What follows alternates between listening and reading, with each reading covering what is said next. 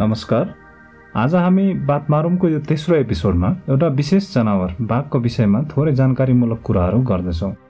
आज जुलाई उन्तिस अन्तर्राष्ट्रिय बाघ दिवस। हरेक वर्ष यसै दिन विश्वभर बाघ दिवस मनाउने गरिन्छ। सन् दुई हजार दस रसियाको सेन्ट पिटर्सबर्गमा टाइगर समिट भनौँ बाघ शिखर सम्मेलन आयोजना भएको थियो। सो सम्मेलनमा सहभागी तेह्र देशका प्रतिनिधिहरूले बाघ संरक्षण सम्झौतामा हस्ताक्षर गरेका थिए र सो दिनदेखि हरेक वर्ष जुलाईको उन्तिस तारिकलाई विश्वभर अन्तर्राष्ट्रिय बाघ दिवस भनेर मनाउँदै आइरहेको छ।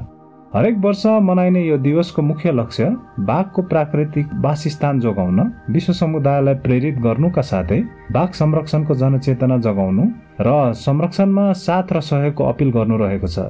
सोही सम्मेलनमा प्रतिनिधिहरूले आफ्नो देशमा रहेको बाघको सङ्ख्या सन् दुई हजार बाइससम्ममा दोब्बर बनाउन विशेष कदमहरू चाल्ने भनेर पनि घोषणा गरेका थिए। यसै दिवसलाई लक्षित गरेर आज हामी नेपालमा बाघ संरक्षणको स्थिति इतिहास चुनौती र उपलब्धिका बारेमा केही कुराहरू गर्नेछौँ। बिरालो प्रजातिभित्र पर्ने बाघ यो प्रजातिकै सबैभन्दा ठुलो प्राणी हो। जिउमा पहेँलो र कालो पाटा भएको हुनाले यसलाई पाटे बाघ पनि भनिन्छ। अङ्ग्रेजीमा बेङ्गाल टाइगर या टाइगर मात्रै भनेर चिनिने यो मांसाहारी जीव संसारभर नौ प्रकारका छन् या भनौँ नौ उपप्रजातिका थिए।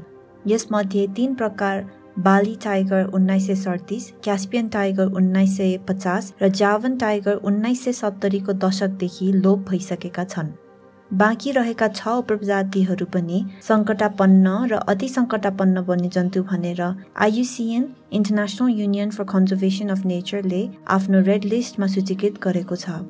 नेपालमा बाघ तराईको सुक्खा जङ्गल घाँसे मैदान र उष्ण सदाबहार जङ्गलहरूमा प्राय बस्ने गरेको पाइन्छ। विशेष गरी तराईको घाँसे मैदान क्षेत्र नेपालमा बाघको मुख्य वासस्थान भनेर चिनिने गरेको छ। मध्यमदेखि ठुला अङ्ग्युलेट्स अर्थात् खुर भएको शाकाहारी वन्यजन्तुहरू जस्तै जरायो चित्तल र बँदेलहरू बाघको मुख्य आहारा प्राणीहरू हुन्। यसका साथै बाघले कहिलेकाहीँ घरपालुवा जनावरहरूलाई पनि आफ्नो शिकार बनाउने गरेको पाइन्छ। नेपालमा बाघ संरक्षणको इतिहास हेर्दै जाने हो भने उन्नाइस सय तिसको दशकदेखिको अवस्थालाई हेर्दै जानुपर्ने हुन्छ। त्यति बेला तराईका जङ्गलहरू पूर्वदेखि पश्चिमसम्म अविच्छिन्न रूपमा थिए। र त्यसै बेलामा तराईका मानव बस्तीहरू तुलनात्मक रूपमा वन्यजन्तुको वासस्थान या भनौँ जङ्गलहरूभन्दा धेरै थोरै थिए।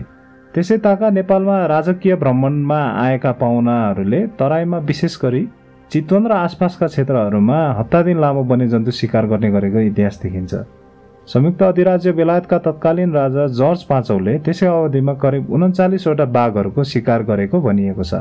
साथै सोही बेलामा राणा श्री तिनहरूले पनि तराई क्षेत्रमा शिकार कार्यक्रम आयोजना गरी प्रशस्तै बाघ र अरू तराईका ठुला स्तनधारी जीवहरू मारेको अभिलेख भेटिन्छ।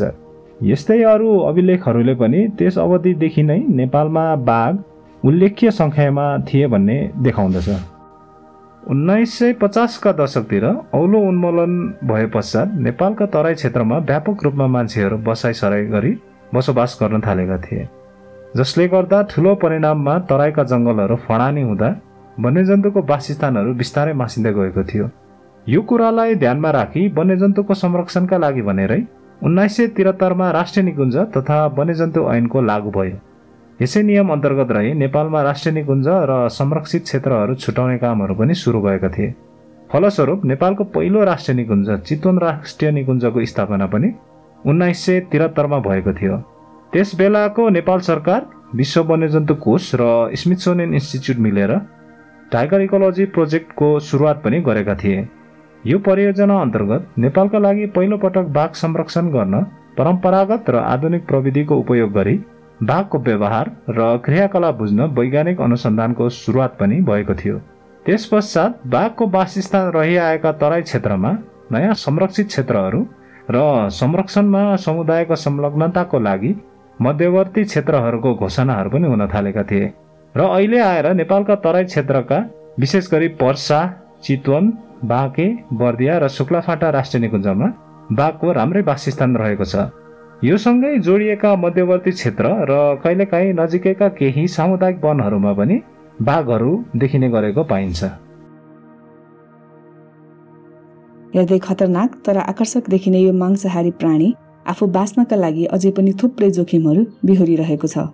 मुख्यतया आहारा प्राणीको सङ्ख्यामा कमी अवैध चोरी सिकारी वासस्थान विनाश र विखण्डन जस्ता समस्या विश्वभर बाघका लागि ठूलो खतरा रही आएको छ। नेपालमा पनि बाघका लागि देखिने खतरामा वासस्थान विखण्डन अतिक्रमण र अवैध चोरी सिकारी मुख्य कारणहरूका रूपमा देखिन्छन्। कुनै समय नेपालको तराई क्षेत्रको सम्पूर्ण भागमा बाघ पाइने गरेको थुप्रै प्रमाणहरू अहिले पनि भेटिन्छ। तर आजको मितिमा बाघको उपस्थितिको ठोस प्रमाणहरू तराईका संरक्षित क्षेत्र र आसपासका वनहरूमा सीमित रहेका छन्।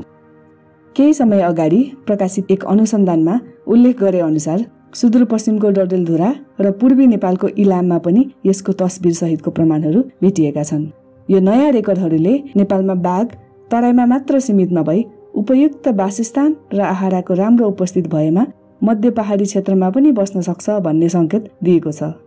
सन् दुई हजार दसमा आफ्नो देशको बाघको सङ्ख्या दुई हजार बाइससम्ममा दोब्बर बनाउने सम्झौतामा हस्ताक्षर गर्ने देशहरूमध्ये नेपाल पनि एक थियो। सो सम्झौता अनुरूप नेपालले आफ्नो प्रतिबद्धता लगभग पुरा गर्न सफल भएको देखिन्छ। दुई हजार दससम्म एक सय एक्काइस रहेको बाघको सङ्ख्या दुई हजार अठारको बाघ गणनाले दुई सय पैँतिस पुगेको तथ्याङ्क अगाडि ल्याएको छ। यो बढिरहेको बाघको सङ्ख्या नेपालमा संरक्षण क्षेत्रमा खटिरहेका सरकारी तथा गैर सरकारी सङ्घ संस्थानको तारिफयोग्य कामको प्रतिफल हो। तर सङ्ख्या बढ्नु सँगसँगै विभिन्न चुनौतीहरू पनि बाघको संरक्षणका लागि थपिँदै जान्छन्। पर्याप्त वासस्थान र आहाराको अभाव अवैध चोरी सिकारी र मुख्य गरी मानव र बाघ बिचको द्वन्द्व यी मुख्य चुनौतीहरू भने बाघको सङ्ख्या बढेसँगै बढेर नै जाने देखिन्छ। तसर्थ यिनीहरूको अस्तित्व हाम्रो हातमा छ भन्ने मूल नाराका साथ आज अन्तर्राष्ट्रिय बाघ दिवस मनाइरहँदा हामीले बाघको संरक्षण किन गर्नुपर्छ र यिनका सङ्ख्या बढाउन किन आवश्यक छ भन्ने कुरामा विचार गरी एकअर्कासँग छलफल गर्न निकै महत्त्वपूर्ण देखिन्छ। आजको यस विषयवस्तुको तयारी रेकर्डिङ र एडिटिङका लागि सम्पूर्ण एनसिएससीको टिमलाई धन्यवाद दिँदै सुनिरहनु भएका सम्पूर्णलाई भागको संरक्षण किन आवश्यक छ भने आफू पनि विचार गरौँ र अरूसँग पनि यसबारेमा कुरा गरौँ भन्दै बिदा हुन्छौँ। हामीलाई सुनिदिनु भएकोमा धन्यवाद।